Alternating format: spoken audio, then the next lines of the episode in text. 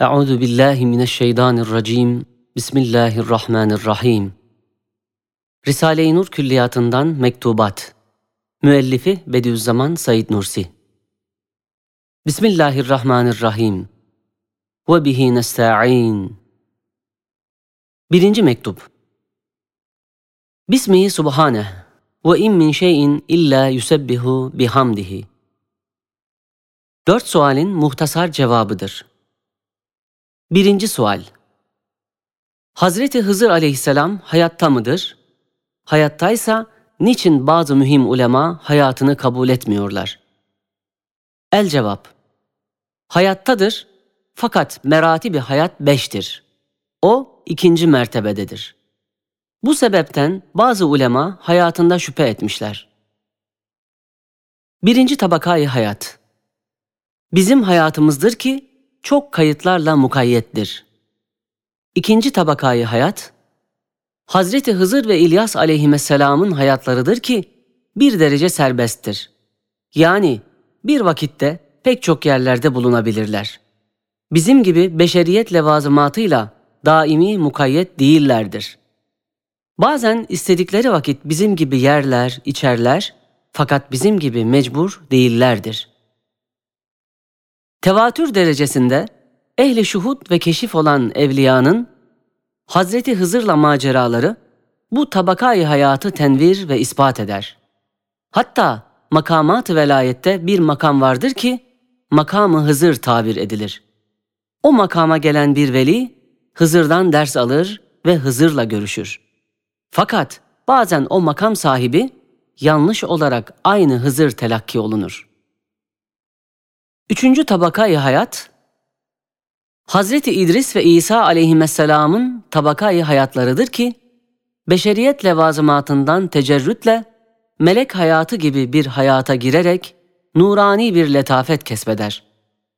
Adeta bedeni misali letafetinde ve cesedi necmi nuraniyetinde olan cismi dünyevileriyle semavatta bulunurlar.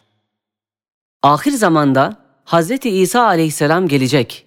Şeriat-ı Muhammediye aleyhissalatu vesselamla amel edecek mealindeki hadisin sırrı şudur ki, ahir zamanda felsefe-i verdiği cereyan-ı küfriye ve inkar-ı uluhiyete karşı İsevilik dini tasaffi ederek ve hurafattan tecerrüt edip İslamiyete inkılap edeceği bir sırada nasıl ki İsevilik şahsı manevisi vahyi semavi kılıncıyla o müthiş dinsizliğin şahs-ı manevisini öldürür, öyle de Hazreti İsa aleyhisselam İsevilik şahs-ı manevisini temsil ederek dinsizliğin şahs-ı manevisini temsil eden Deccal'ı öldürür, yani inkar-ı uluhiyet fikrini öldürecek. Dördüncü tabakayı hayat. Şüheda hayatıdır. Nasıl Kur'an'la şühedanın ehli kuburun fevkinde bir tabakayı hayatları vardır.'' Evet şüheda, hayatı dünyevilerini tarik-ı hakta feda ettikleri için Cenab-ı Hak kemali kereminden onlara hayatı dünyeviye benzer fakat kedersiz, zahmetsiz bir hayatı alem-i berzahta onlara ihsan eder. Onlar kendilerini ölmüş bilmiyorlar. Yalnız kendilerinin daha iyi bir aleme gittiklerini biliyorlar. Kemal-i saadetle mütelezziz oluyorlar ölümdeki firak acılığını hissetmiyorlar. Ehli kuburun çendan ruhları bakidir. Fakat kendilerini ölmüş biliyorlar. Berzahta aldıkları lezzet ve saadet, şühedanın lezzetine yetişmez. Nasıl ki iki adam bir rüyada cennet gibi bir güzel saraya girerler, birisi rüyada olduğunu bilir, aldığı keyif ve lezzet pek noksandır. Ben uyansam şu lezzet kaçacak diye düşünür. Diğeri rüyada olduğunu bilmiyor. Hakiki lezzetle hakiki saadete mazhar olur. İşte alem ve berzahtaki emvat ve şühedanın hayatı berzahiyeden istifadeleri öyle farklıdır.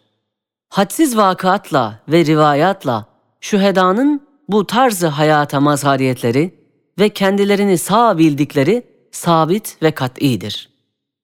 Hatta Seyyid-i Şüheda olan Hazreti Hamza radıyallahu an mükerrer vakatla kendine iltica eden adamları muhafaza etmesi ve dünyevi işlerini görmesi ve gördürmesi gibi çok vakıatla bu tabakayı hayat tenvir ve ispat edilmiş. Hatta ben kendim Ubeyd isminde bir yeğenim ve talebem vardı. Benim yanımda ve benim yerime şehit olduktan sonra üç aylık mesafede esarette bulunduğum zaman mahalli defnini bilmediğim halde bence bir rüyayı sadıkada tahtel arz bir menzil suretindeki kabrine girmişim.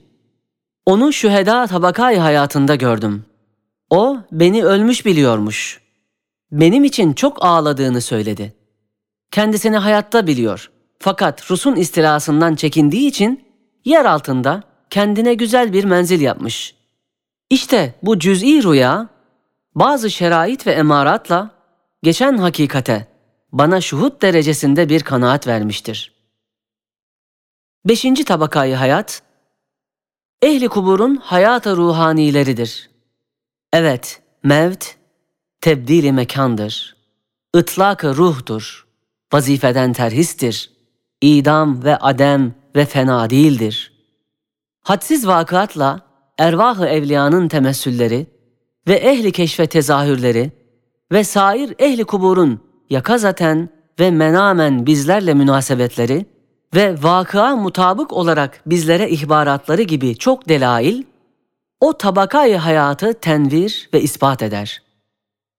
Zaten bekayı ruha dair 29. söz, bu tabakayı hayatı delail-i kat'iye ile ispat etmiştir. İkinci sual. Furkan-ı Hakim'de اَلَّذ۪ي خَلَقَ الْمَوْتَ وَالْحَيَاةَ لِيَبْلُوَكُمْ اَيُّكُمْ اَحْسَنُ عَمَلًا gibi ayetlerde mevt dahi hayat gibi mahluktur, hem bir nimettir diye ifham ediliyor. Halbuki zahiren mevt inhilaldir, ademdir, tefessühtür, hayatın sönmesidir, hadimül lezzattır. Nasıl mahluk ve nimet olabilir? El cevap Birinci sualin cevabının ahirinde denildiği gibi, mevt, vazife-i hayattan bir terhistir, bir paydostur, bir tebdili mekandır, bir tahvili vücuttur. Hayat-ı bakiyeye bir davettir, bir mebdedir, bir hayat-ı bakiyenin mukaddimesidir. Nasıl ki hayatın dünyaya gelmesi bir halk ve takdirledir, öyle de dünyadan gitmesi de bir halk ve takdirle, bir hikmet ve tedbirledir. Çünkü en basit tabakayı hayat olan hayat-ı nebatiyenin mevti, hayattan daha muntazam bir eseri sanat olduğunu gösteriyor. Zira meyvelerin, çekirdeklerin, tohumların mevti, tefessühle çürümek ve dağılmakla göründüğü halde, gayet muntazam bir muamele-i kimyeviye ve mizanlı bir imtizacat-ı unsuriye ve hikmetli bir teşekkülat-ı zerreviyeden ibaret olan bir yoğurmaktır ki, bu görünmeyen intizamlı ve hikmetli ölümü sümbülün hayatıyla tezahür ediyor. Demek çekirdeğin mevti, sümbülün mebdeyi hayatıdır. Belki aynı hayatı hükmünde olduğu için şu ölüm dahi hayat kadar mahluk ve muntazamdır. Hem zihayat meyvelerin yahut hayvanların mide-i insaniyede ölümleri, hayatı insaniyeye çıkmalarına menşe olduğundan, o mevt onların hayatından daha muntazam ve mahluk denilir.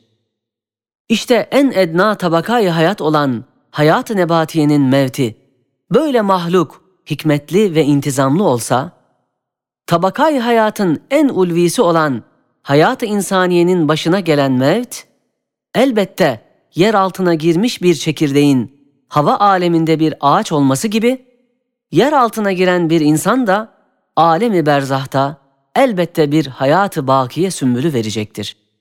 Ama mevt, nimet olduğunun ciheti ise çok vücuhundan dört vecihine işaret ederiz. Birincisi, ağırlaşmış olan vazife-i hayattan ve tekalifi hayatiyeden azat edilip, yüzde 99 ahbabına kavuşmak için alemi berzahta bir visal kapısı olduğundan en büyük bir nimettir. İkincisi, dar, sıkıntılı, dağdağlı, zelzeleli dünya zindanından çıkarıp, vüsatli, sürurlu, ızdırapsız, baki bir hayata mazhariyetle Mahbubu Baki'nin daire-i rahmetine girmektir. Üçüncüsü, ihtiyarlık gibi şerait-i hayatiyeyi ağırlaştıran birçok esbab vardır ki, mevti hayatın pek fevkinde nimet olarak gösterir. Mesela sana ızdırap veren pek ihtiyar olmuş peder ve validenle beraber ceddin cedleri, sefaleti halleriyle senin önünde şimdi bulunsaydı, hayat ne kadar nıkmet, mevt ne kadar nimet olduğunu bilecektin. Hem mesela güzel çiçeklerin aşıkları olan güzel sineklerin kışın şedaidi içinde hayatları ne kadar zahmet ve ölümleri ne kadar rahmet olduğu anlaşılır. Dördüncüsü, nevm nasıl ki bir rahat, bir rahmet, bir istirahattir, hususan musibetzedeler, yaralılar, hastalar için, öyle de nevmin büyük kardeşi olan mevt dahi musibetzedelere ve intihara sevk eden belalarla müptela olanlar için aynı nimet ve rahmettir. Ama ehli dalalet için müteaddit sözlerde kat'i ispat edildiği gibi mevt dahi hayat gibi nıkmet içinde nıkmet, azap içinde azaptır. O bahisten hariçtir.''